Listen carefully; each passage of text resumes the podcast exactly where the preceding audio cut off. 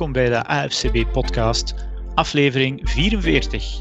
Mijn naam is Dirk en vanavond ben ik jullie gastheer. Uh, jullie zijn dat niet gewend dat ik dat ben. Normaal gezien kom ik er ergens na een paar minuutjes ingevallen, maar dat heeft allemaal met het onderwerp van vanavond te maken.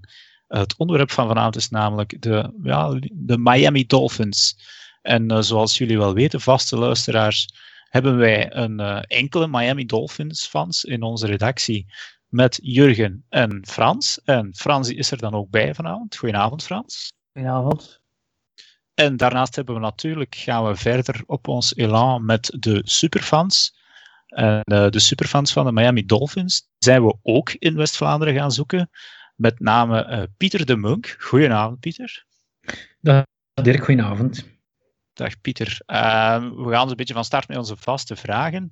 Ehm, de eerste vraag die we meestal stellen van hoe ben jij bij voetbal terechtgekomen? En als ik gok, dan gaan we iets verder terug in de tijd dan bij onze vorige fans die via Madden uh, op uh, de PlayStation te spelen terechtgekomen zijn bij voetbal. Maar ik gok uh, dat dat bij jou een ander verhaal gaat zijn. Ja, dat klopt. mijn vader die zat vroeger voor zaken in Noorderveel in Amerika. En op 12-jarige leeftijd, in plaats van een communiefeest te houden, zijn we in 1984 naar Amerika getrokken op trip uh, naar onder andere New York, Washington en ook uh, Orlando en uh, de rest van Florida. En daar, ja goed, aangezien dat mijn vader regelmatig in Amerika zat, werd die Amerikaanse cultuur, allee, daar kenden wij wel het een en ander van. Van die sport begon daar ook het een en ander van te komen, want die bracht het een en ander mee. Um, maar in 1984 zijn we bij een hele goede vriend van hem terechtgekomen, waar dat we ook gelogeerd hebben. Um, en die heeft ons wat uh, bijgebracht over merken voetbal. Dat was trouwens al van la lettre. Die had een tv in zijn keuken waar dat hij zat te kijken, in zijn badkamer en zo in, in de jaren tachtig. Dat was al, uh, die keek overal constant naar merken voetbal en naar baseball. Ja. Um, en die heeft uh, mijn broer, dus mijn broer Willem, die twee jaar jonger is en mij, eigenlijk volledig in outfit in training gestoken van een merken voetbal. Ik heb de, het geluk gehad dat, uh, dat hij aan mij een set van de Miami Dolphins gegeven heeft, ook zijn eigen team. En uh, mijn broer die heeft hij goed gejost, want die heeft hij een training van de Cowboys gegeven. En is jouw broer dan ook effectief Cowboys fan geworden? Ja, ja, ja absoluut. Ja. Dus uh, ja, kijk. Okay. Die is in het zak gezet geweest, hè, maar kom. ja, hangt er vanaf hoe je het bekijkt natuurlijk. Okay. Jullie hebben de jaren 80 een beetje en de jaren 90 verdeeld onder jullie beiden veronderstel ik dan. Geeft dat ook een felle rivaliteit thuis, of valt dat nogal mee? Nee, ja, absoluut. Uh, absoluut. Uh, onder elkaar sturen we soms wel van die mopjes door. Uh, ja. Het is ja. gemakkelijk om natuurlijk, van hem had het dan meestal over, over een zoogdier in het water. Van mij had het dan meestal over, over het soort ringen, of dat het handboeien zijn of ringen aan de vingers en dergelijke. Dat, dat is zo'n beetje de rode draad die weerkeert in de, in de memes die we naar elkaar doorsturen. Ja. 1984 zeg je dan. Mm -hmm. um, is dat het ja. eerste seizoen Dan Marino? Uh, Klopt. Ja. ja. Dat is het eerste seizoen van Dan Marino geweest, uh, waarin dat is ook uh, in de eerste jaren onmiddellijk naar het Super Bowl gebracht heeft. Hè. Ja. Maar um, mijn fascinatie van de Dolphins is er ook wel opgegroeid door in de, naar de historie te kijken en ja de het enige team met de perfect season in 1972, mijn geboortejaar. Um, ja, als je dan kijkt naar, naar dat waren echte warriors. Hè. Nu, nu spreken we voornamelijk over quarterbacks en dergelijke. Dat team, de quarterback Bob Greasy, was, was eigenlijk maar... Ja goed, dat was wel een goede quarterback, maar dat was bijkomstig. Maar als je die backfield zag, dat, uh, vooral met Larry Zonska, echt een held. Die, uh, dat was een beest van een vent. Um, met Jim Keek, die verleden jaar uh, jammerlijk overleden is. En dan Mercury Morris, zo'n een zwarte met de vlak en de air. Mercury Morris moet je in de gaten houden, want uh, dat is de aanzetter voor het jaarlijkse champagne-rondje.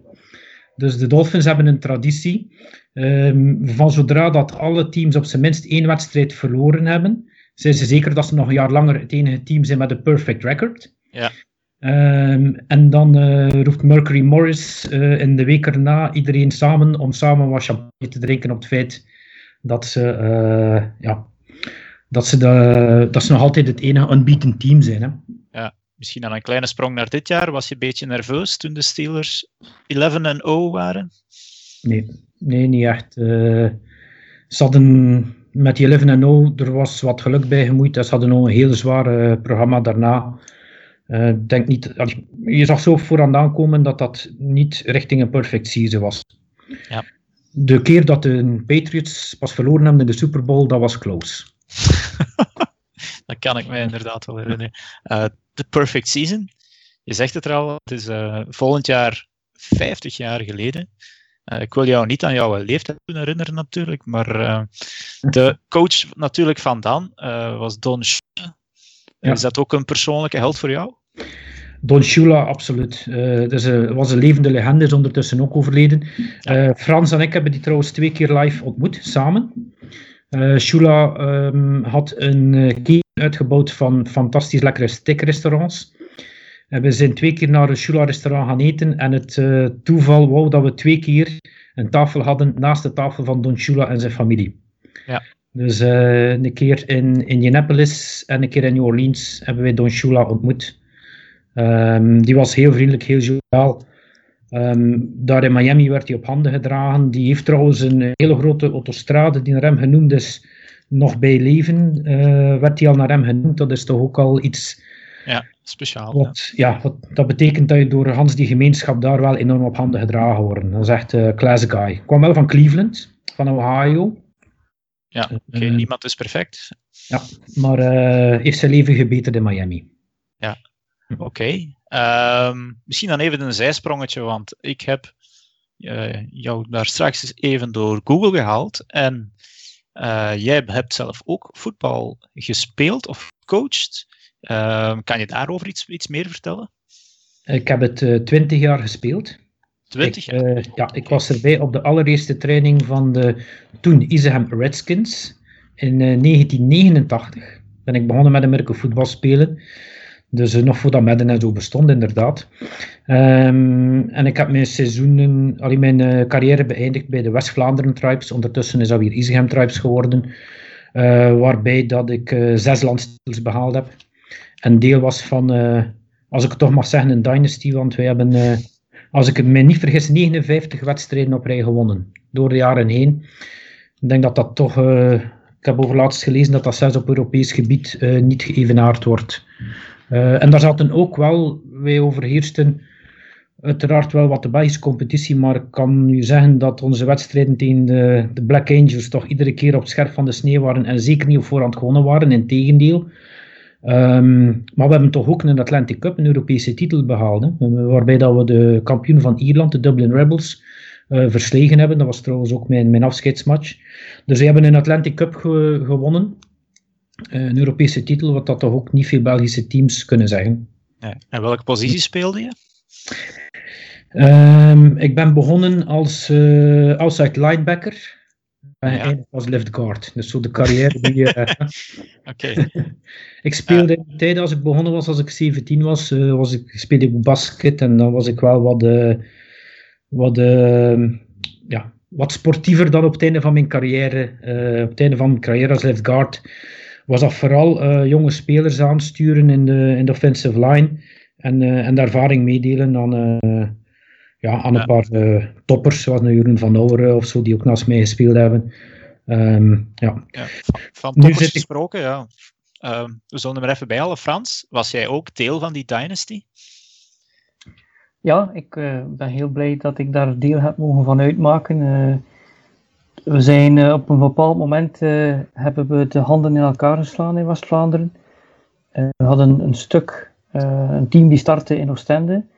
En er was al een, een team die lang bestond in Izehem. Er was ooit een team in Oostende geweest, die ik zelf nog heb opgericht, eind jaren 80, de Austin Tigers. Uh, het nadeel daarvan was dat er eigenlijk vroeger geen jeugdwerking was. En dat betekende dat we eigenlijk met een groep vrienden in 687 een team begonnen. En dat eigenlijk tegen 95 iedereen een job had, waar je niet drie keer in een jaar moest zeggen tegen je baas dat je je schouder weer uit de kom was of zo. Of dat je dan een vrouw had of kinderen. En daar zat geen jeugd. En wij, wij, wij zijn dan eigenlijk een beetje uitgedoofd. Ja. En Isegem heeft dat eigenlijk nooit gehad. Die zijn altijd wel blijven bestaan. Maar dan op een bepaald moment hebben we de handen in elkaar geslaan. We hebben een paar jaar nog wel wat gestruggeld in het begin. Ik was dan offensive coordinator. Maar dan plotseling, vanaf 2006, hebben we inderdaad uh, zes jaar na elkaar uh, Belgisch kampioen gespeeld. En uh, Pieter en zijn broer waren daar een groot deel van. het zijn eigenlijk typisch spelers. Ik heb er zoveel eigenlijk gehad in mijn carrière. Ja, als je soms moest zeggen tegen bepaalde gasten van ik wil nu dat je drie keer rond het veld loopt en dat je bepaalde fysieke oefeningen doet, dan zag je hen na één of twee ronden al serieus puffen. Maar als je dan een wedstrijd speelde met die jongens en je had zelfs een overtime, dan zouden ze zelfs Ironman voetbal spelen. Dus op een of andere manier, uh, als, het, als, het erom, als het erom hing, als het erom spande, dan kon je gewoon een huis bouwen op die gasten. En uh, wat er ook wel natuurlijk speciaal was, is eigenlijk die combinatie van die Oostendenaars met die Izehemenaars. Want dat is iets dat eigenlijk bijna niet te bevatten is, want die, die, die Oostendenaars, dat, die zijn natuurlijk gewoon uh, van in de Lange Straat de vrijdag en de zaterdag de Engelsen uh, een paar pak slagen te geven. En dat is hoe ze, hoe ze hun weekend doorkomen.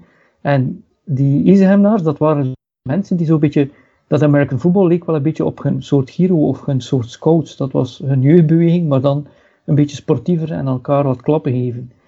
En je zou nooit denken dat als je die twee samenzet, dat je daar eigenlijk iets kan van maken. En dat dachten we misschien dan ook in het begin ook als het moeilijker ging.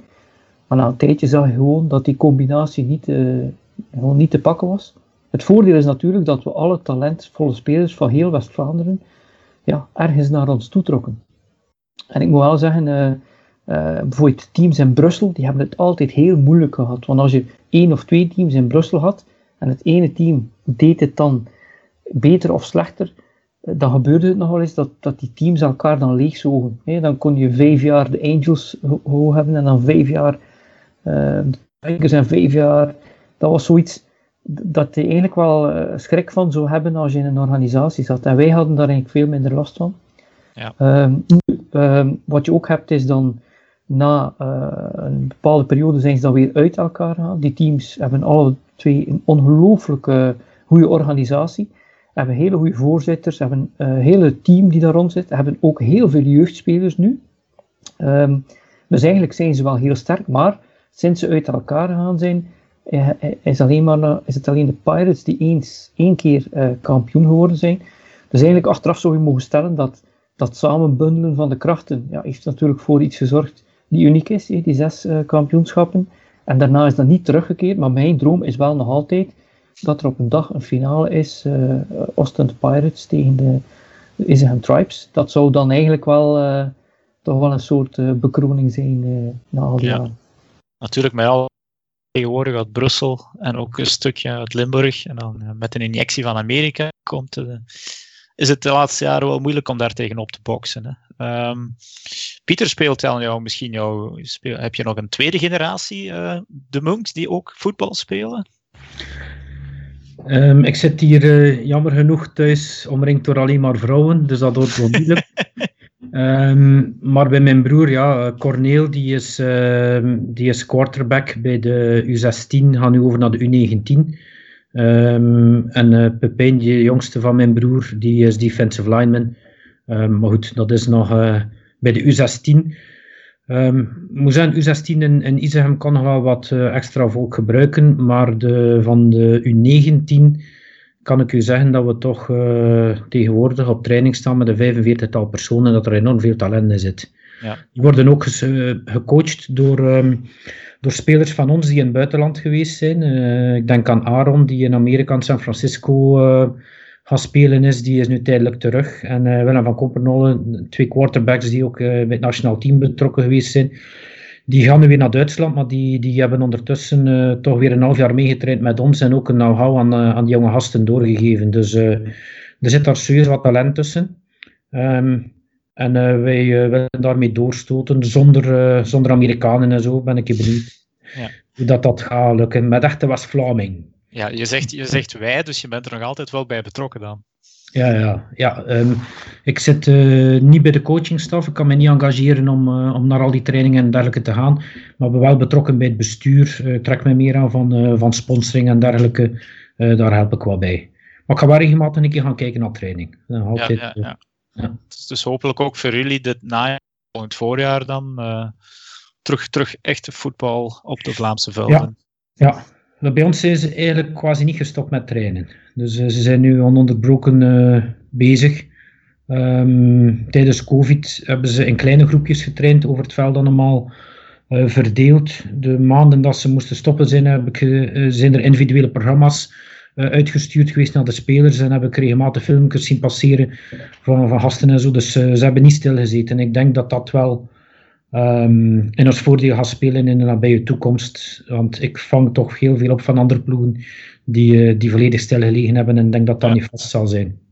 Oké, okay, ja, dat is al iets om naar uit te kijken. Uh, voordat we hier een, uh, een eh, West-Vlaanderen Tribes podcast van gaan maken, gaan we terug naar de Miami Dolphins, de, de, de reden van, van deze podcast van vanavond. En ik ga het misschien doen met een klein quizje. De Dolphins hebben slechts vier quarterbacks ooit in de eerste ronde gedraft, want het is draftmaand natuurlijk. Pieter, weet jij welke vier mannen dit zijn? Ik weet zeker eh, Bob Greasy en Dan Marino. zijn er zeker twee van. Um, ik dacht dat Tannehill ook in de eerste ronde gedraft was, maar ben het niet zeker. Ook die klopt. Uh, ook die klopt, ja. Dan de vierde, amai. Ik weet het niet. Ik ga Hulplay Frans inroepen.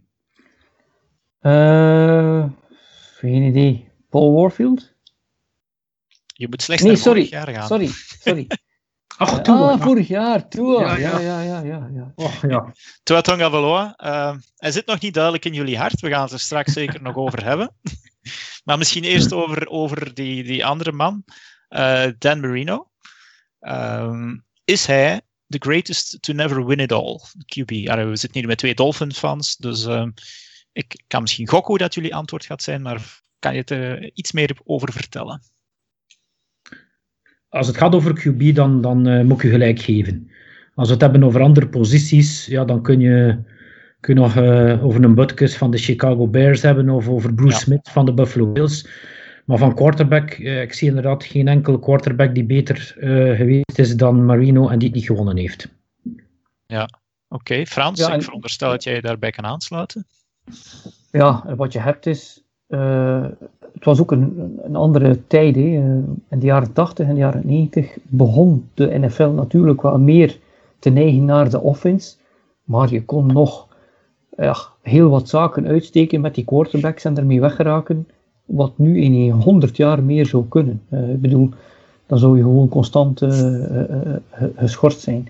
Dus dat is een gegeven. Maar wat je had met Marino, die had eigenlijk een release dat is bijna niet te bevatten. Hè. Dus, er bestaan YouTube-filmpjes over de quick release van Marino.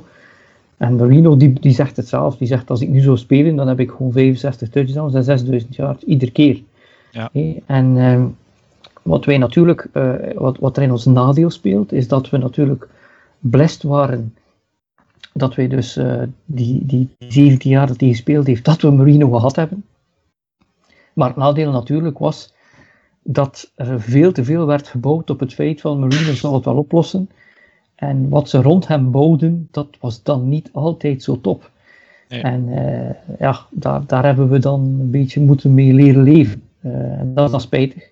Uh, je, je ziet wel, en dit is natuurlijk ook wat ze over Mahomes hebben gezegd. Mahomes wint de Super Bowl. Zeggen ze, ja, dat is de eerste van vijf of zes.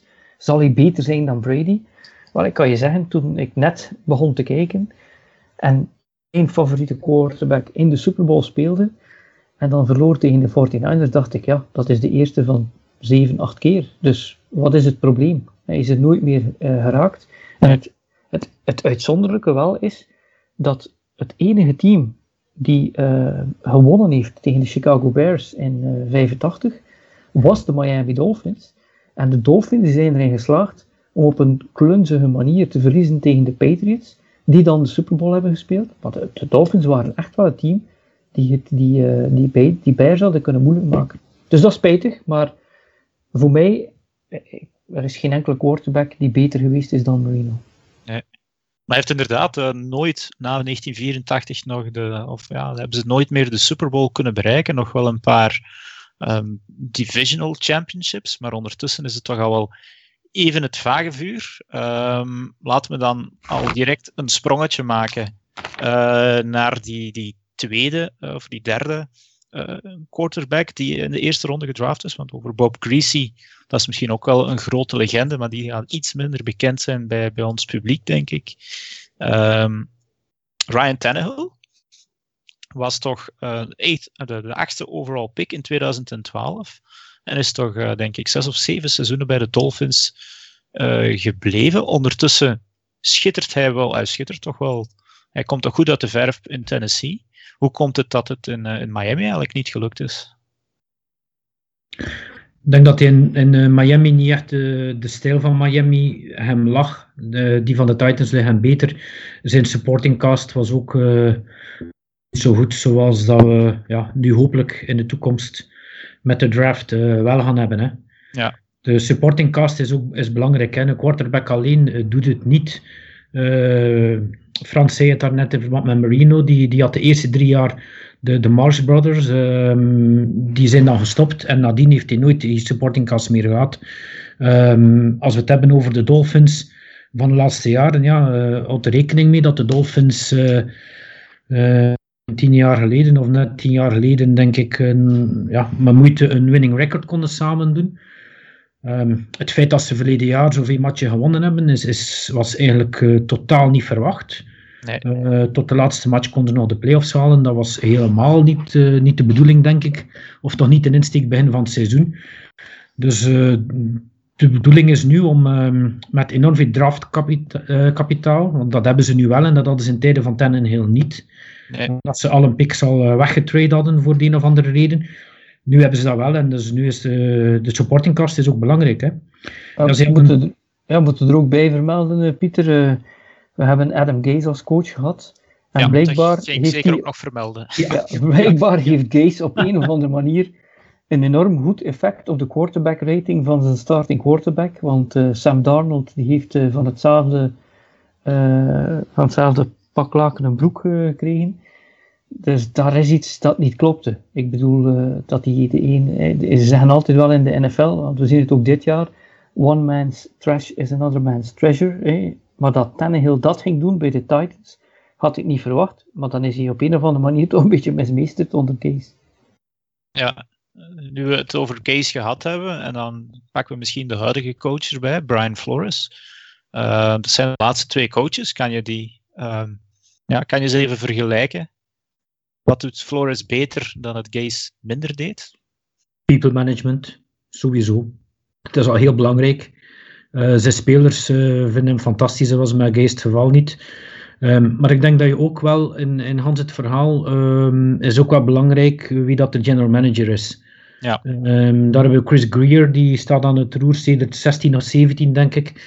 En die heeft een enorm goede invloed. Uh, die komt uit de scoutingcel, zit al 20 jaar bij de Dolphins, maar is nu pas kunnen doorgroeien. Um, en als je ziet wat dat ze binnenhalen via de draft, dan, uh, dan is dat toch wel heel belangrijk moet ook weten dat, dat als je iemand, een jonge speler via de draft binnenhaalt, dan, dan kost die u een paar jaar niet veel. Ja. Um, hoe meer dat je daaruit haalt, hoe meer salary cap dat je hebt om op de needs dat je hebt, dan, dan topspelers te kunnen binnenhalen. Alles hangt da daaraan vast. Hè. Als je een bust hebt in de draft en je moet er eh, geld tegenaan smeten om iemand anders um, aan te trekken, ja, dan heeft dat uh, een gevolg voor jaren hè, in, je, in spelerskapitaal. Ja, ja inderdaad. Um, ja, we zijn stilletjes aan bij dit jaar beland. Uh, inderdaad, zo, je vermeldde er net al. Ik, ik dat er straks eigenlijk opgezocht en ik verschoot ervan dat de Dolphins vorig jaar 10 en 6 gegaan zijn na eigenlijk het jaar voordien of het tussenseizoen voordien uh, ja, de bodem van de put op te zoeken qua, qua trades en qua, qua draftkapitaal, ja, qua draftkapitaal te, sparen dan. Ik denk aan um, Fitzpatrick uh, die mocht vertrekken. Ik denk aan Laramie Tunsil die mocht vertrekken. Um, is Kenyon Drake is volgens mij ook in die periode vertrokken. Dus er werd, ja, het was een beetje een leegloop, maar dan een, een, uh, een leegloop om, om, om de zaken op te sparen. En vorig jaar werd dan de ja, Tua Tagovailoa op nummer 5 gedraft. Uh, had je verwacht dat ze meteen 10 en 6 zouden gaan? Totaal niet.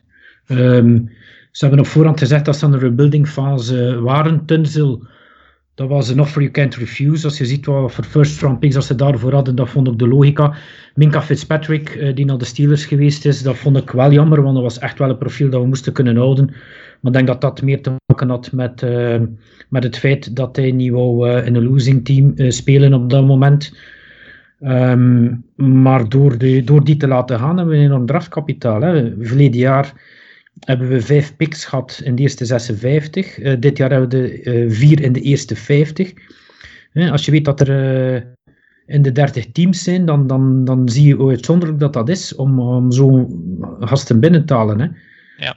Um, met de 56e pick, de vierde pick dat ze hadden verleden jaar, hebben ze Raekwon Davis uitgehaald. Die heeft een fantastisch seizoen gespeeld op de defensive line. Um, dat zijn dingen die je niet voorziet. Het, het, heeft, het heeft de mayonaise verpakt, beter dan dat er uh, gedacht geweest was. Vooral ook omdat, omdat ze een heel agressieve stijl hadden, ook op, um, uh, op special teams en ook in defense. Uh, maar dat kon enkel door, door een goede secondary. Hè. Als je met de cornerbacks man op man kunt spelen, dan heb je meer, meer mogelijkheden om, uh, om, om um, blitzscreens uit te werken met uw linebackers. Hè. Ja. Xavier Howard en Byron Zo uh, Jones kun je toch, is toch wel voor discussie vatbaar, een van de, of niet voor discussie vatbaar volgens mij, een van de beste cornerback duels dat je hebt. Hè. Je zet daar nog, uh, um, nog goede safeties achter. Um, en een paar linebackers. Nu, de defensive line kan wel wat verbeteren. Dat komen we misschien straks nog toe met de draft. Ja. Maar um,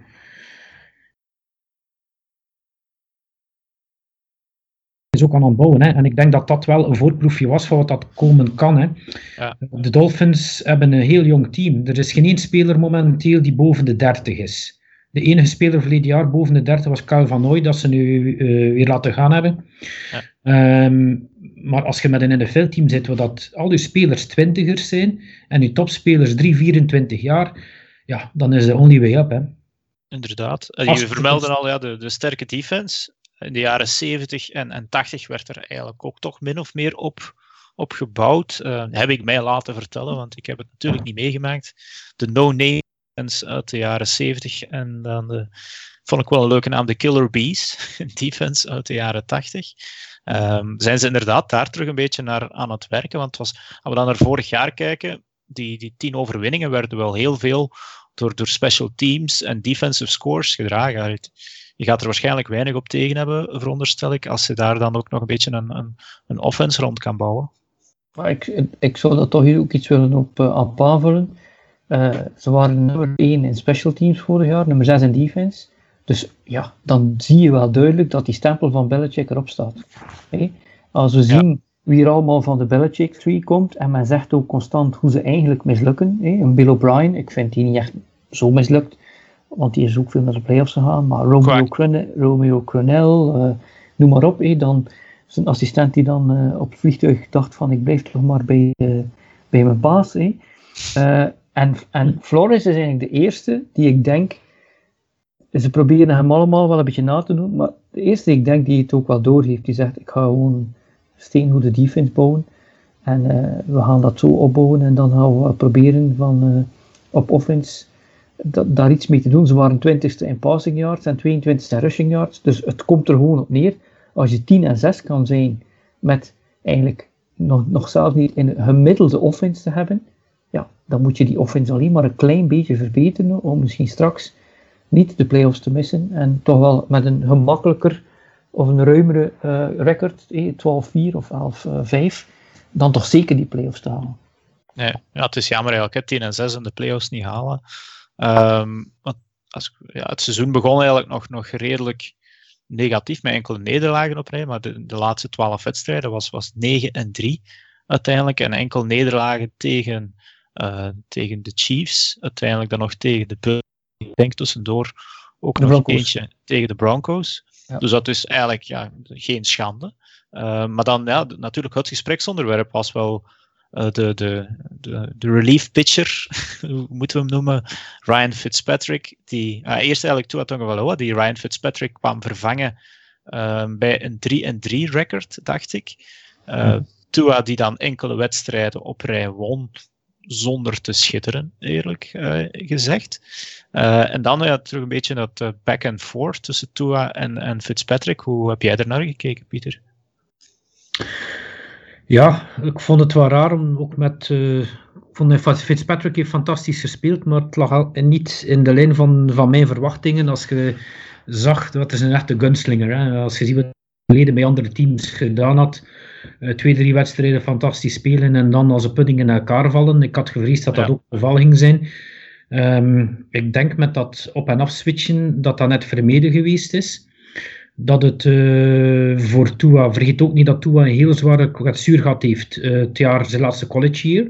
Uh, ja, de uit kom. Hè. Dus ehm, het feit dat ze hem niet van de eerste match konden brengen en dan en wat gespaard hebben, denk ik dat dat op de lange termijn die back and forth tussen ehm, Fitz en Tua eigenlijk wel een goed gegeven zal zijn. Um, je moet ook weten dat de Dolphins een non-existing running game hebben. Hè.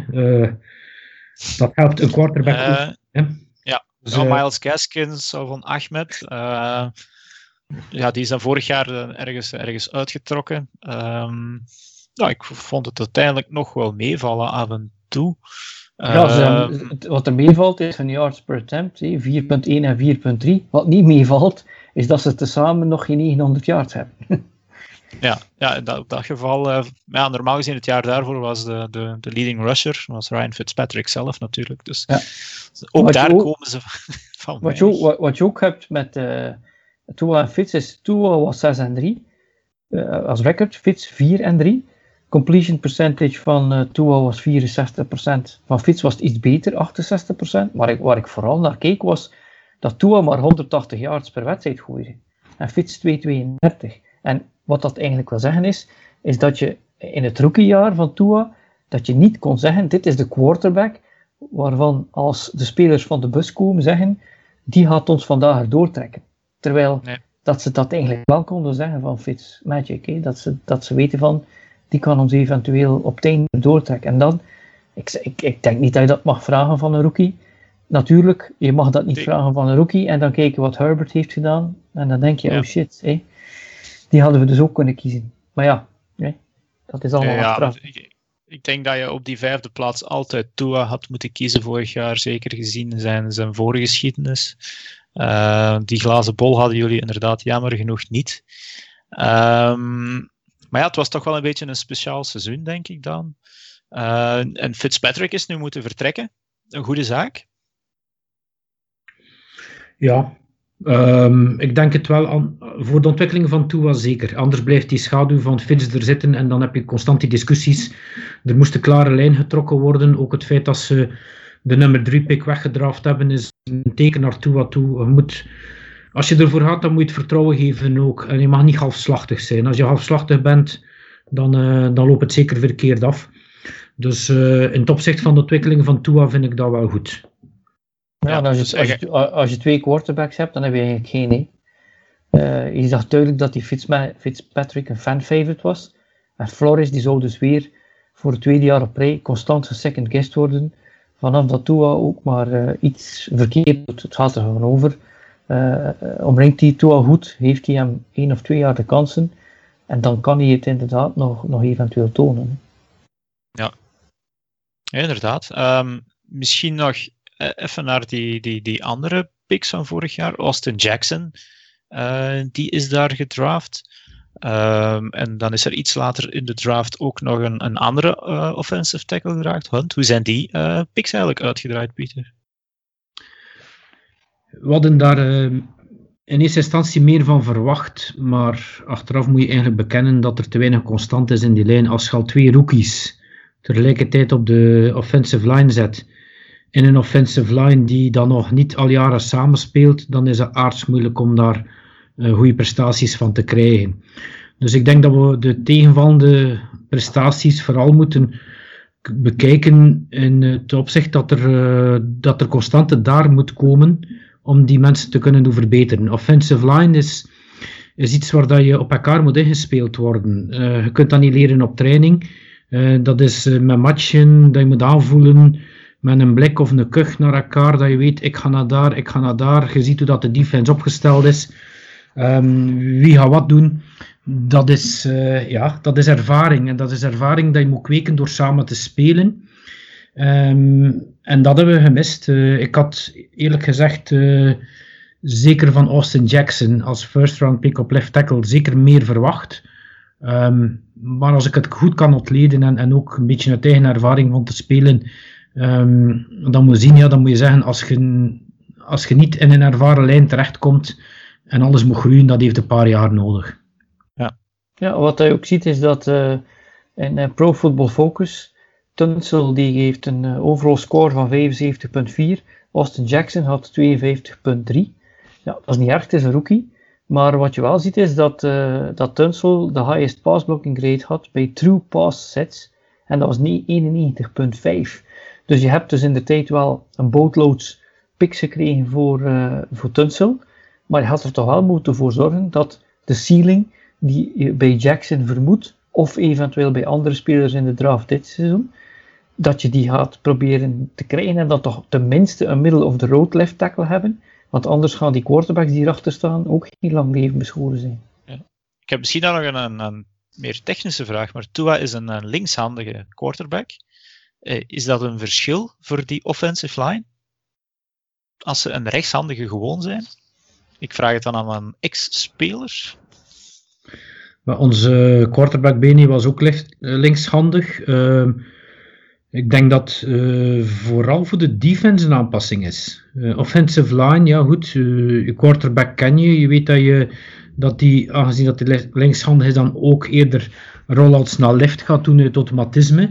En daar ben je dan ook op ingespeeld. de aanpassing is vooral voor de defense, als je het mij vraagt.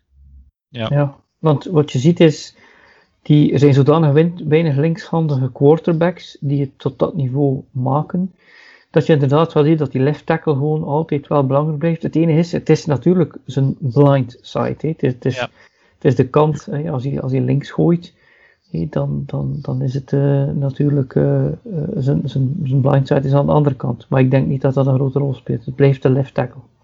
Ja, dan gaan we misschien even de sprong maken naar, naar, naar dit jaar dan. De draft komt eraan. En zoals dat Pieter al vertelde, de, de, de, Dolphins hebben veel picks, uh, waaronder twee picks in de, de eerste ronde. Uh, dat was een derde pick. en die werd dan, denk ik, vorige week, een tiental dagen geleden, vrijdag, plots een twaalfde pick door een wissel met de San Francisco 49ers, die dan van 12 naar 3 sprongen. En waarvoor de, de Dolphins zomaar eventjes ja, drie andere, waaronder die van dit jaar dan, first round picks voor in de plaats kregen. Dat werd dan 20 minuten later plots van 12 naar 6, toen de Dolphins wisselden met de Philadelphia Eagles, die daar dan weer een extra first round pick voor in de plaats kregen.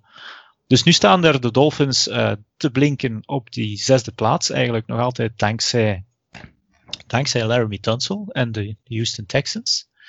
Ehm, Pieter, wat denk jij dat de Dolphins gaan doen op 6? Je gaf daar straks al aan dat ze waarschijnlijk dat het uh, ja, niet quarterback zal worden, dat ze vertrouwen hebben in Tua.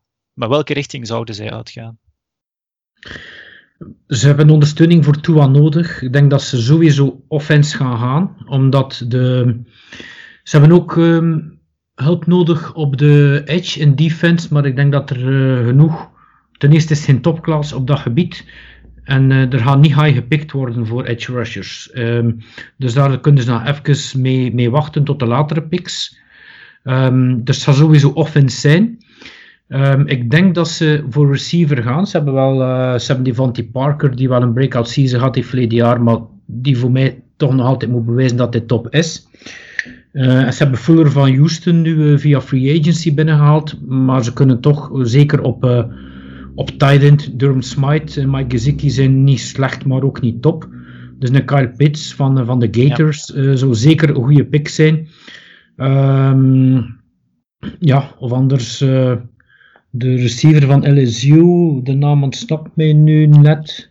Jamar Chase, bedoel Jamar je waarschijnlijk. Chase, een van die twee zou het zeker zijn. Devontae Smith is een top prospect op wide receiver, maar ik denk eerlijk gezegd twijfel ik of dat hij de body heeft voor in NFL te spelen. En voor mij is dat uh, toch een factor die, die beslist om die niet te nemen.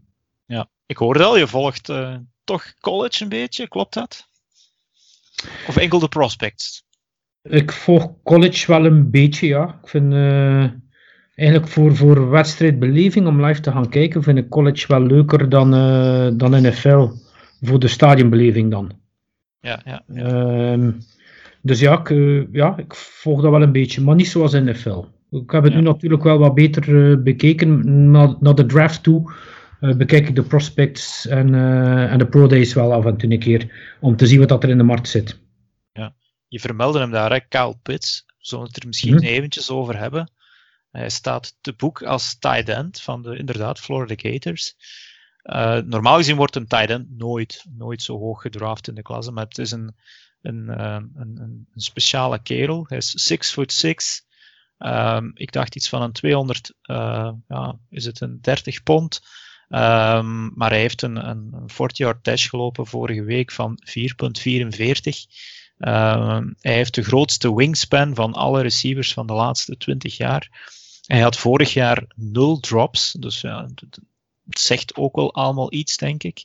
Uh, en dan is het inderdaad, ik, ik, ik ga inderdaad ook in mijn mock drafts, en daar gaan we dan straks nog iets langer op, op ingaan. De Dolphins geef ik een, een ballenvanger, ga ik het maar noemen, op 6.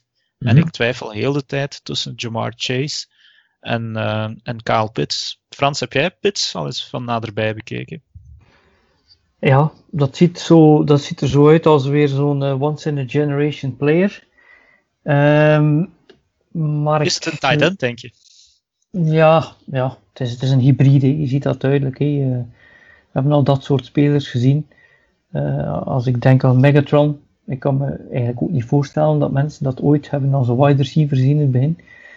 Uh, dat leek meer een tight end. Um, maar ik vermoed dat ze wel eens zouden kunnen voor uh, Devonta Smith gaan. Uh, wide receiver van Alabama. En dat heeft eigenlijk alleen maar te maken met het feit dat ik eigenlijk hoop op iets. En ik, ik zal je zeggen welke spelers ik hoop dat ze gaan draften. ja Dirk. En dan kan jij me misschien zeggen wat die mensen verbindt. Hè? En je moet me ook zeggen als het kan. Hè? Als je zegt van, ja, je hebt een pipe dream, uh, zover zal die niet meer beschikbaar zijn, dan moet je het erbij zeggen. Maar ik zal ze eerst zeggen, dan zeg jij me wat hen verbindt, en dan kan je er misschien ook bij zeggen als het mogelijk is. Dus zesde pick, uh, Devante Smith, wide receiver. Achttiende pick, uh, running back, Najee Harris. Uh, 36e pick in de tweede ronde uh, Dylan Moses, een linebacker. Uh, 50ste pick in de tweede ronde Alex Leatherwood, offensive lineman. En dan in de derde ronde mag het Georgian Smith edge zijn. Ja, ik denk dat Pieter het antwoord ook weet. Ja, ja, ja. ja. En wat is de link? Als je een beetje college volgt, Alabama. Hè? Ja, Inderdaad. En dan eigenlijk uh, natuurlijk ook misschien daarom dat jullie eerder de Vontae Smith willen. En natuurlijk Tua, zelf, dus de starting ik, ik niet, hè? Ik niet, hè? nee, nee, nee, jij niet. Maar ik hoorde Frans toch zeggen, ja, de Vontae Smith liever. Uh, ondanks inderdaad zijn wat beperkte statuur.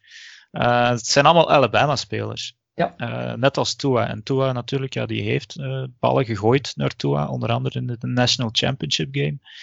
Uh, naar, naar Devontae Smith. Um, of dat het haalbaar is, de eerste sowieso wel, Devontae Smith. Dat zou je kunnen op 6. Alhoewel dat ik denk dat hij pas rond tussen 10 en 15 zal vallen. je noemde daar een G. Harris op 18. 18. Dat vind ik wat vroeg voor een running back, eerlijk okay. gezegd. Uh, een van mijn vragen ging nog wel zijn, we kunnen er misschien nu kort over hebben. Moeten de Dolphins dit jaar een running back draften in ja, ronde 1 of 2? Of gaan jullie denken verder met, met Ahmed en, uh, en met Gaskin? En dan, ik denk dat er ook in free agency is Malcolm Brown overgekomen van de, van de Rams. Uh, maar ga je draft capital steken in een running back? Uh, wat mij betreft wel, ja. Niet ja, eerste ronde, maar tweede ronde zeker. Ja. Ik, ik vind, wat je hebt is, we hebben nooit geen tweede Ricky Williams gehad.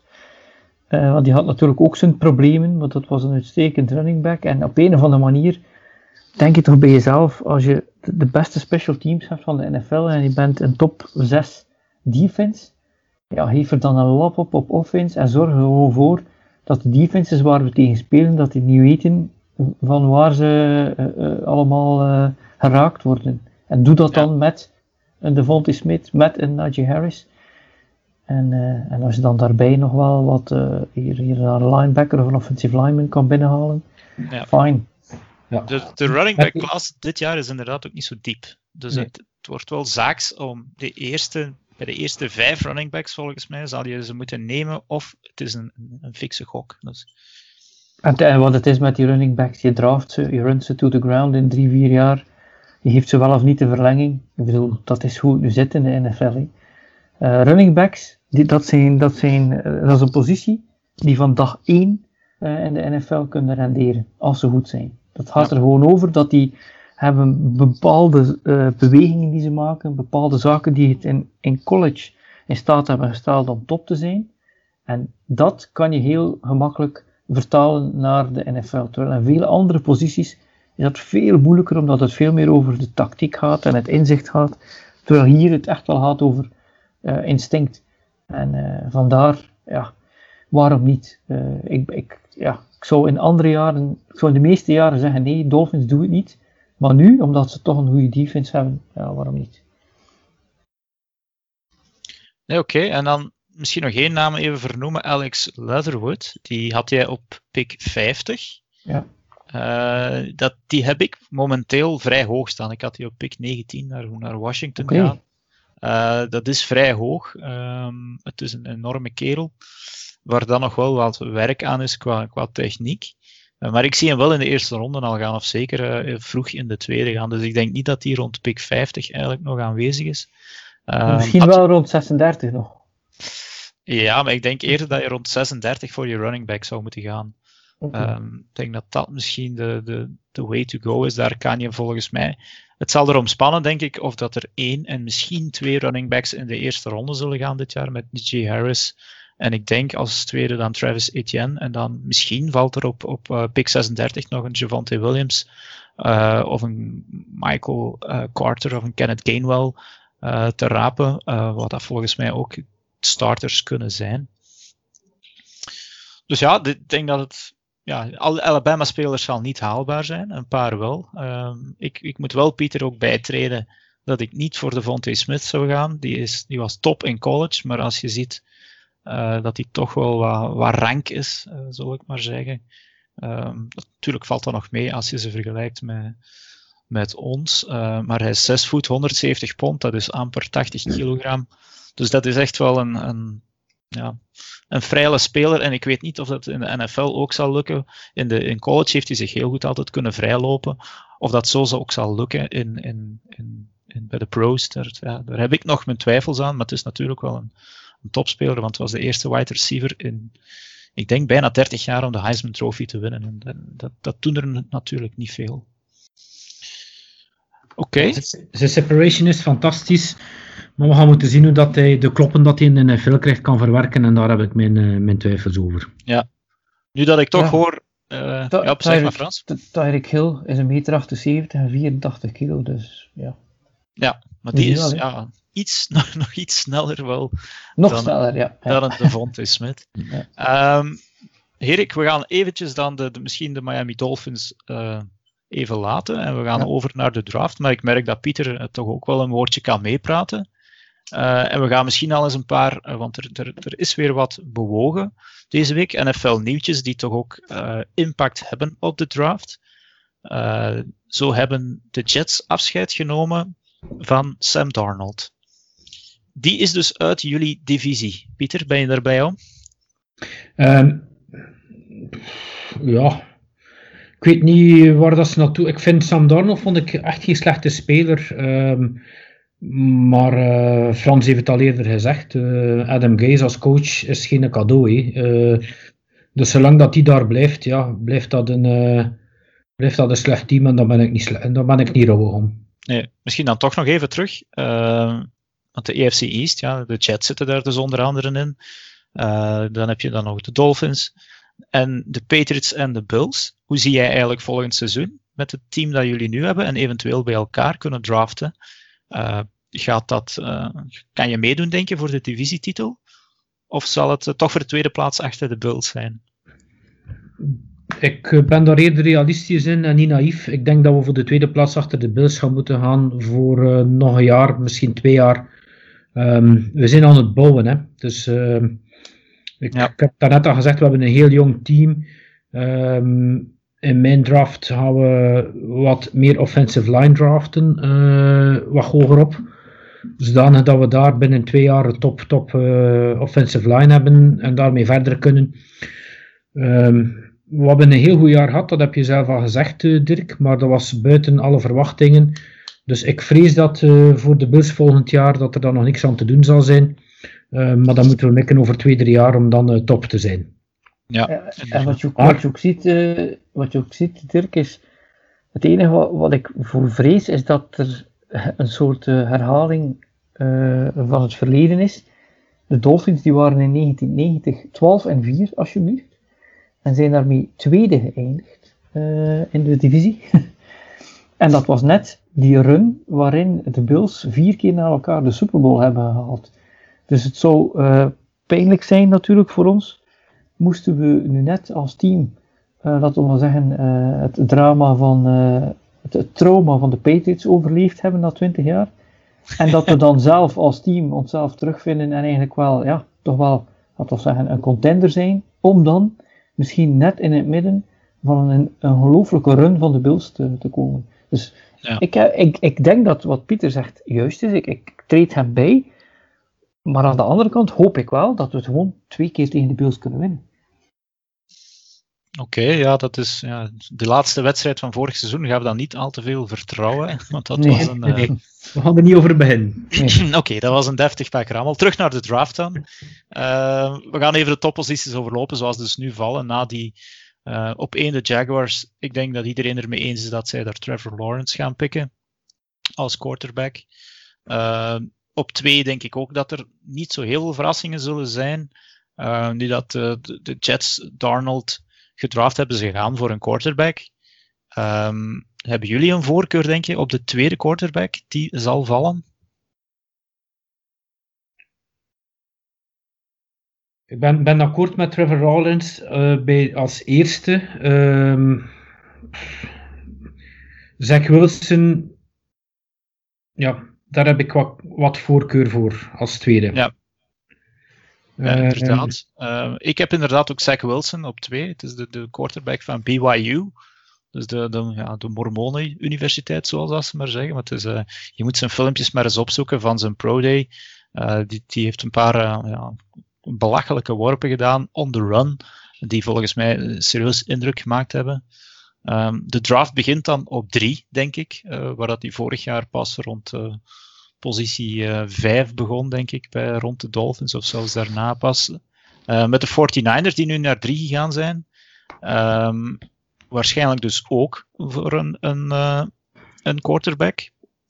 Ben jij verrast, Frans, jij als een voormalige quarterback, dat ze van Jimmy G waarschijnlijk afscheid zullen nemen? Ja, ze, hebben eigenlijk niks te verliezen. Shanahan is het tamelijk uh, rechtuit geweest, altijd tegen zijn quarterback. Hij heeft gezegd, je bent mijn quarterback, ik heb vertrouwen in jou, jij kan ons uh, naar de Promised Land brengen. En hij heeft het ook gedaan. Ze zijn tot in de Super Bowl geraakt en uiteindelijk in die Super Bowl heeft het die niet zo slecht gedaan. Ja. Uh, maar hij heeft hem ook altijd gezegd, als ik kan verbeteren op die positie, dan ga ik het doen. Hey? het enige wat Shanahan natuurlijk als groot probleem heeft, vind ik. Ik vind dat een enorm goede coach. dat is zeker iemand die nog Super Bowls gaat winnen.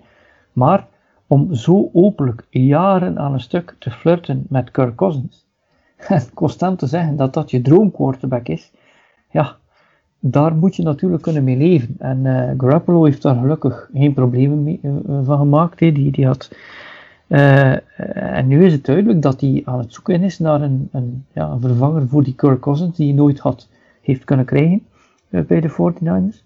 En dan is de vraag maar, is die Mac Jones dan, dan die man? Uh, ja. Ik zie die, in mock draft zie ik die van de derde tot plaats tot ergens de derde ronde. Dus ja, ja ik, ik heb er inderdaad ook niet al te veel vertrouwen in. En ik hoor langs alle kanten de geruchten dat Kyle Shanahan inderdaad het heeft voor Alabama quarterback Mac Jones, die totaal, hangt er vanaf hoe je het bekijkt, maar niet echt atletisch genoemd was. die heeft zelfs, hoe zeggen ze dat, een, een, een dead belly, bierbuikje hangen. dus het is niet een superatleet. Uh, past hij dan in de Kyle Shanahan system? Geen idee. Um, maar heb ik heb Brady, inderdaad... Heb je Brady zijn draftfoto gezien? Ja, maar ik, ik ga er dan ook vanuit. Dat, ze zijn inderdaad, ze noemen hem soms mini Brady. Hè. Het is, ze schelen, denk ik, uh, een, een, tweetal inch. Um, maar natuurlijk, Brady is vooral de, die voetbalmentaliteit. En, en ja, die heeft uiteindelijk in de loop van de jaren nog geleerd om echt top te worden. Um, ze, ze, worden wel vergeleken. Zeker die foto's die dan naast elkaar gezet worden. Maar ik, ik geloof dat er maar één Tom Brady kan zijn en dat je niet zomaar even een, een, een tweede zo kan kopiëren. Um, dus ik zou op plaats drie voor de, de Ohio State quarterback um, Justin Fields gaan. Die ook super snel is. Dus die, die dual threats, die tegenwoordig eigenlijk heel populair zijn. Dat is niet helemaal Kyle Shanahan zijn ding. dus wie weet gaan ze er effectief voor. Uh, Mac Jones, maar daar gaat de rest er blij mee zijn, denk ik. Je moet oppassen als, als een coach constant wordt de hemel geprezen over dat hij een systeem heeft en dat hij, als de, spelers maar zijn systeem kennen, hoe goed ze kunnen zijn, over ja, hoe ja, koppig zij kunnen dan zijn in het nemen van een speler die anderen dan vinden, die dan misschien niet zo goed is, maar waarvan hij denkt, ja, die ga ik wel uh, uh, omturnen tot een, uh, een Pro Bowl quarterback. En het mooiste voorbeeld is, is Joe Montana geweest natuurlijk. Hè. Joe Montana is in de derde ronde gedraft vanuit Notre Dame door de 49ers. En ook Bill Walsh, die een systeem had, de West Coast Offense was zijn systeem, heeft gewoon Montana, uh, laten we zeggen, gekneed tot wat hij was. En het bewezen dat het kon. Ik heb zo'n vermoeden dat Shanahan denkt dat hij een uh, tweede Bill Walsh is. Ja, oké. Um, dan een interessante pick, volgens mij. Op pick 4 de Falcons. Wat gaan zij nu doen? Het is al QB, QB en waarschijnlijk ook QB op de eerste drie. Uh, er staan nog op, een, op, een, paar QB's dan die, die, die de moeite waard zijn op het bord. Gaan zij nu al Matt Ryan willen vervangen, terwijl hij nog zeker twee jaar onder contract moet staan wegens veel te veel geld? En hem daar ja, dan een, een QB zoals een Trey Lance bijvoorbeeld uh, twee jaar laten staan? Uh, of gaan ze uit hun pick wegtreden? Ik geloof dat ze dat gaan doen, eerlijk gezegd. Um, en dan zouden dan eventueel uh, jullie andere uh, rivalen, de Patriots, naar boven kunnen komen om daar hun nieuwe QB van de toekomst te gaan draften. Ik weet niet of dat je het graag ziet gebeuren dan, maar ik geef het een kans, alhoewel dat ze helemaal van 15 moeten komen. En het is helemaal anti-Bill Belichick om natuurlijk zo hoog te gaan, te gaan traden.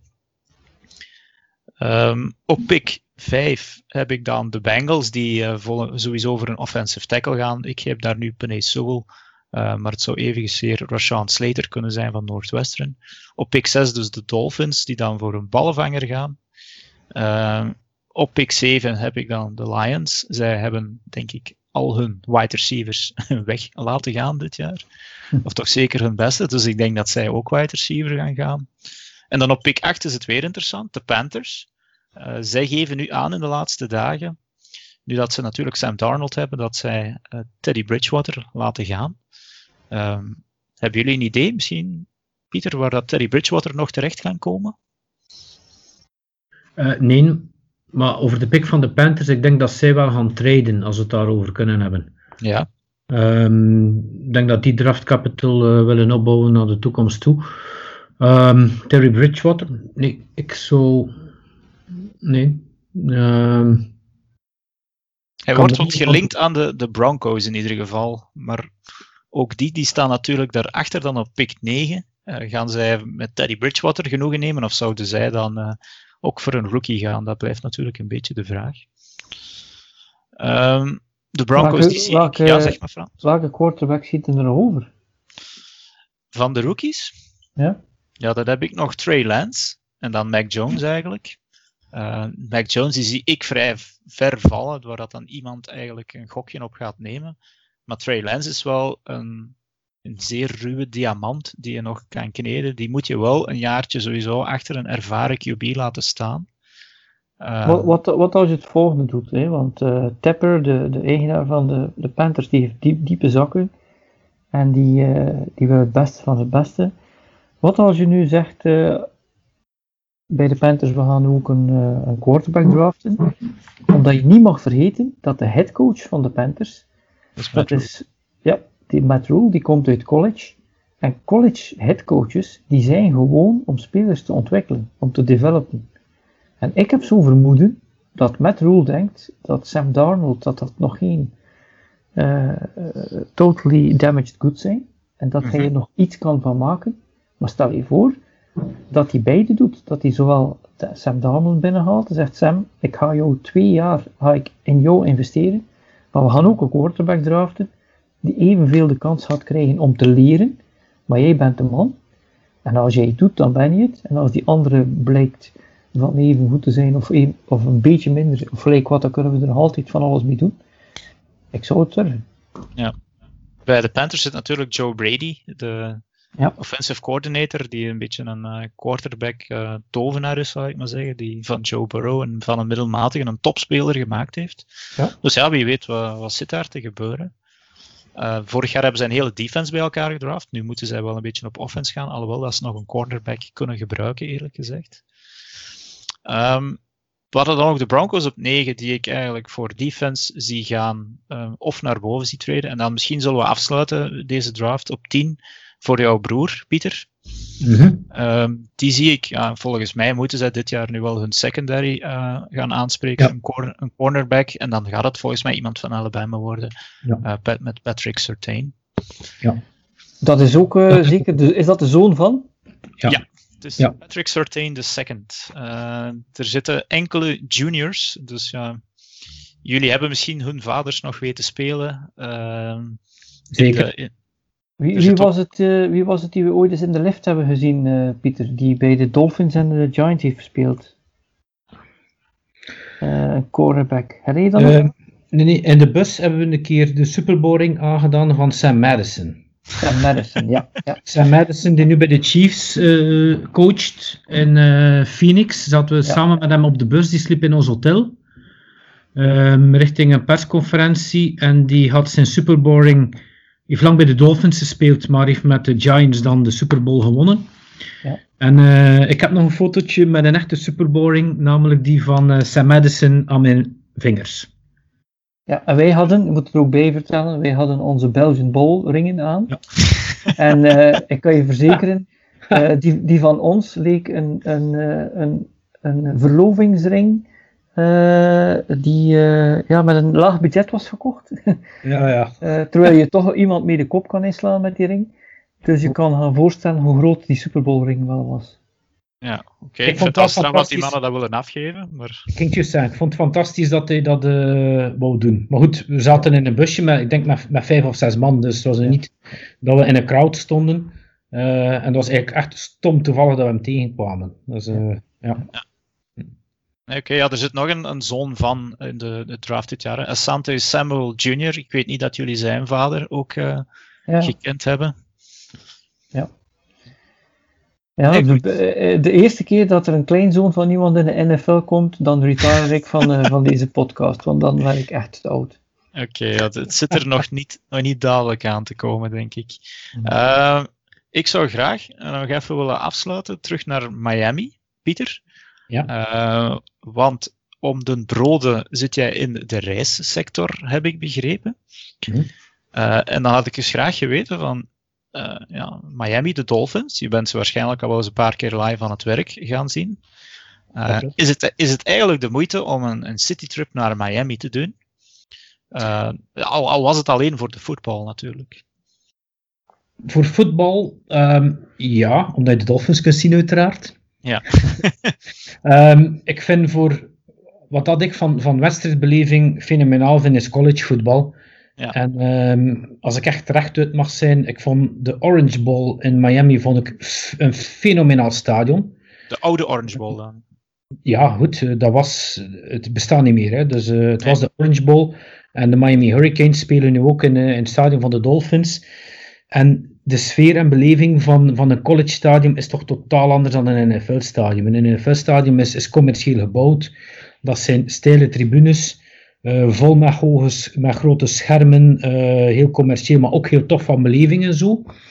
Uh, als je naar een collegewedstrijd gaat, dan zijn dat, ja, die staan gewoon op een universiteitsdomein. Hè. Er wordt er enkel collegevoetbal gespeeld, dat is eigenlijk fenomenaal. Um, en dat is een ganz andere sfeer. Die tribunes die zijn niet zo steil, eigenlijk langlopend. Allemaal, allemaal, banken ook, als ik me goed herinner, geen zitjes. heel veel banken, dus ja, als je daar... ik heb ooit een keer een wedstrijd van Notre Dame tegen Pitt in, live tot in Fort Overtime gezien op zo'n bankje. Mijn rug was inderdaad gebroken, maar ik had wel een fenomenale match gezien. er hangt ook geen reclame in die college stadiums, dus dat, moet je, dat moet je zeker kunnen meepikken ook. Uh, maar als je een combinatie van beide wilt, qua highlights is Miami nu niet de, de, topper, zeker niet te vergelijken met, met pakweg New York of Chicago.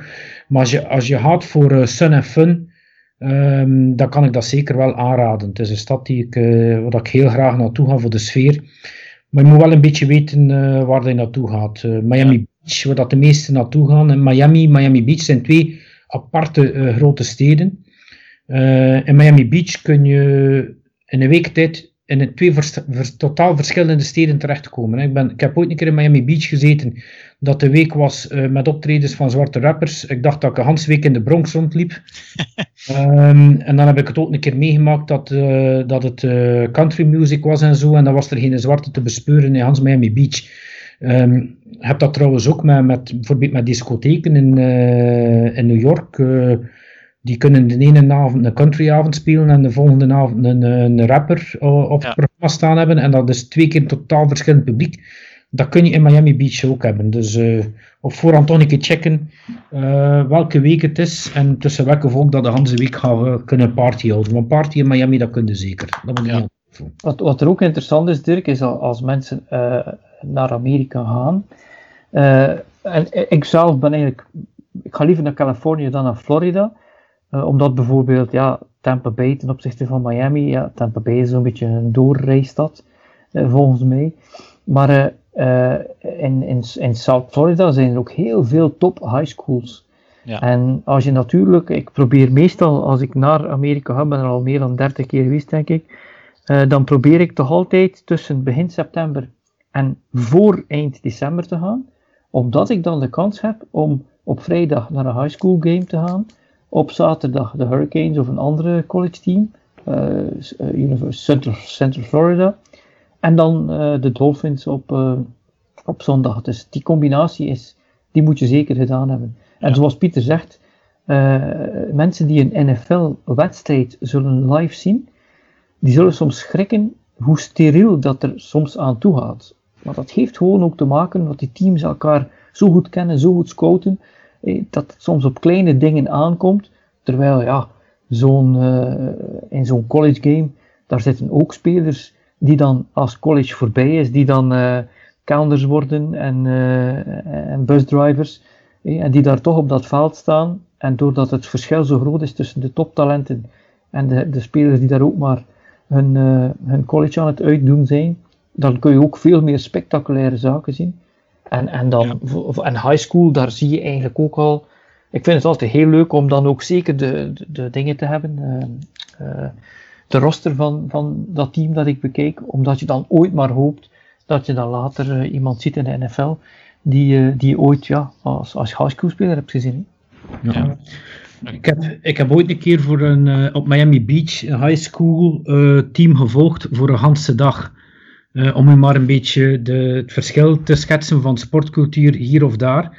Um, alle jongens van het team die uh, mochten om uh, half tien de klas verlaten. Die hadden een half uurtje les gehad. Dat Trouwens, is op een vrijdag, hè? Ja. Op een vrijdag. Trouwens, ja, ja Friday Night Lights. Trouwens, om die school binnen te geraken, moesten ze wel door een, door een metaaldetector. Ja, Iedereen van school, dat is ook al genoeg. Maar goed. Um, en die werden uh, de hele dag apart gehouden. Hè. Die kregen uh, de voormiddag scouting van het team toen al. Hè. Dat gaat over hasjes van, van 15, 16 jaar. Hè. Moesten een dag school niet volgen. Um, die kregen... Um, dus uh, scouting van het andere team, video's, speciale uh, maaltijd de middag. Um, en dan in de namiddag was dat al walkthroughs van op de tegenstander, hoe dat ze zouden moeten spelen, de looplijnen en zo uitleggen. En die zaten eigenlijk al een hele dag volledig in die zone van die opbouw naar die wedstrijd van die Friday Night Lights. Uh, Als je hier met een, met een schoolteam in de tijden ging gaan voetballen, basketten of gaan volleyballen, ja, dan moest je maken dat je op tijd je brooddoos uit je boekentas haalde voor een paar boterhammen te eten en op tijd op het veld te staan. Hè. Uh, ja. Dus, die Amerikaanse sportcultuur, het is toch jammer eigenlijk dat het dan, dan inderdaad maar, maar enkele maanden per jaar is, die voetbal. Mm. Uh, organiseer je zo'n zo weekend, dat je dan zegt, met jouw reisbureau? Dat, wij, echt een... wij organiseren jaarlijks een fantrip naar, naar Londen. Ehm, misschien volgend jaar, wie weet, naar Duitsland met Oktoberfesten. Dat, dat zou wel de max zijn, want er komen in een filmgame naar, naar Duitsland hoogstwaarschijnlijk. En om de twee jaar doen wij een fantrip richting USA. Eh, de laatste keer hebben we een combinatie gedaan van Noord-Amerika en Florida. Dan zijn we naar Detroit geweest, voor het museum bezocht. Hebben we de Thanksgiving game na de Thanksgiving parade gedaan tussen Detroit Lions en ehm, de Vikings. rivalry game. Dan zijn we naar Florida gevlogen vanuit Toronto. We hebben daar Niagara Falls trouwens ook gezien. Dus je ziet dat we ook wat toeristisch bezoeken. Um, en dan hebben we de andere rivalry game in college, Florida Gators tegen de Florida State Seminoles gezien. En de dag nadien de Seattle Seahawks tegen de Tampa Bay Buccaneers. En dan hebben we in Tampa Bay uh, uh, Frans om, om te bewijzen dat Tampa Bay niet alleen een doorreisstad is, naar de Cubaanse wijk uh, sigaren gaan en, en rum gaan kopen en op het strand gezeten. Dus dat, dat was ook dik fun ik hoorde al een echte gezinsvakantie. Uh, ja, absoluut. laat het zeker weten wanneer hij nog eens zo'n trip organiseert. Dan kunnen wij er met, met de AFCB wat, wat reclame voor maken. En eventueel zelfs meegaan natuurlijk, hè, want uh, we hebben nu al zo lang zonder gezeten. Goed. Um, ik, hoop, ehm, uh, ik, hoop, op dit jaar nog, wie weet. Oké, okay. ja, laat, laat het ons zeker weten. Ja. Wat is de naam van jouw reisorganisatie? Pentareizen, uit Izegem. Pentareizen, oké. Okay. Allen daarheen. Um, daarmee denk ik dat we ongeveer aan het einde zijn gekomen van deze Miami Dolphins podcast, die een stukje in het verleden ging, ook naar de toekomst, uh, en een stukje naar West-Vlaanderen, dat mogen we niet vergeten. Um, ik rest enkel nog uh, jou te bedanken, Pieter. Bedankt voor jouw, uh, ja, jouw specifieke kennis van die, die decennia Dolphins en, en Tribes kennis. Met plezier, dank u om mij te vragen. Nee, nee, geen probleem.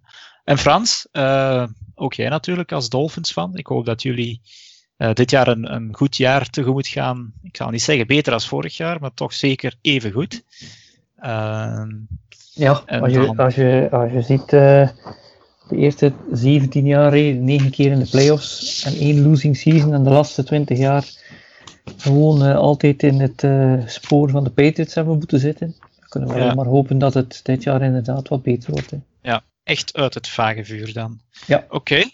Um, met deze 44ste podcast zitten we volgens mij in de helft van wat jullie ooit nog gedaan hebben, de 88. Correct. Dus uh, we weten wat het volgende doel is.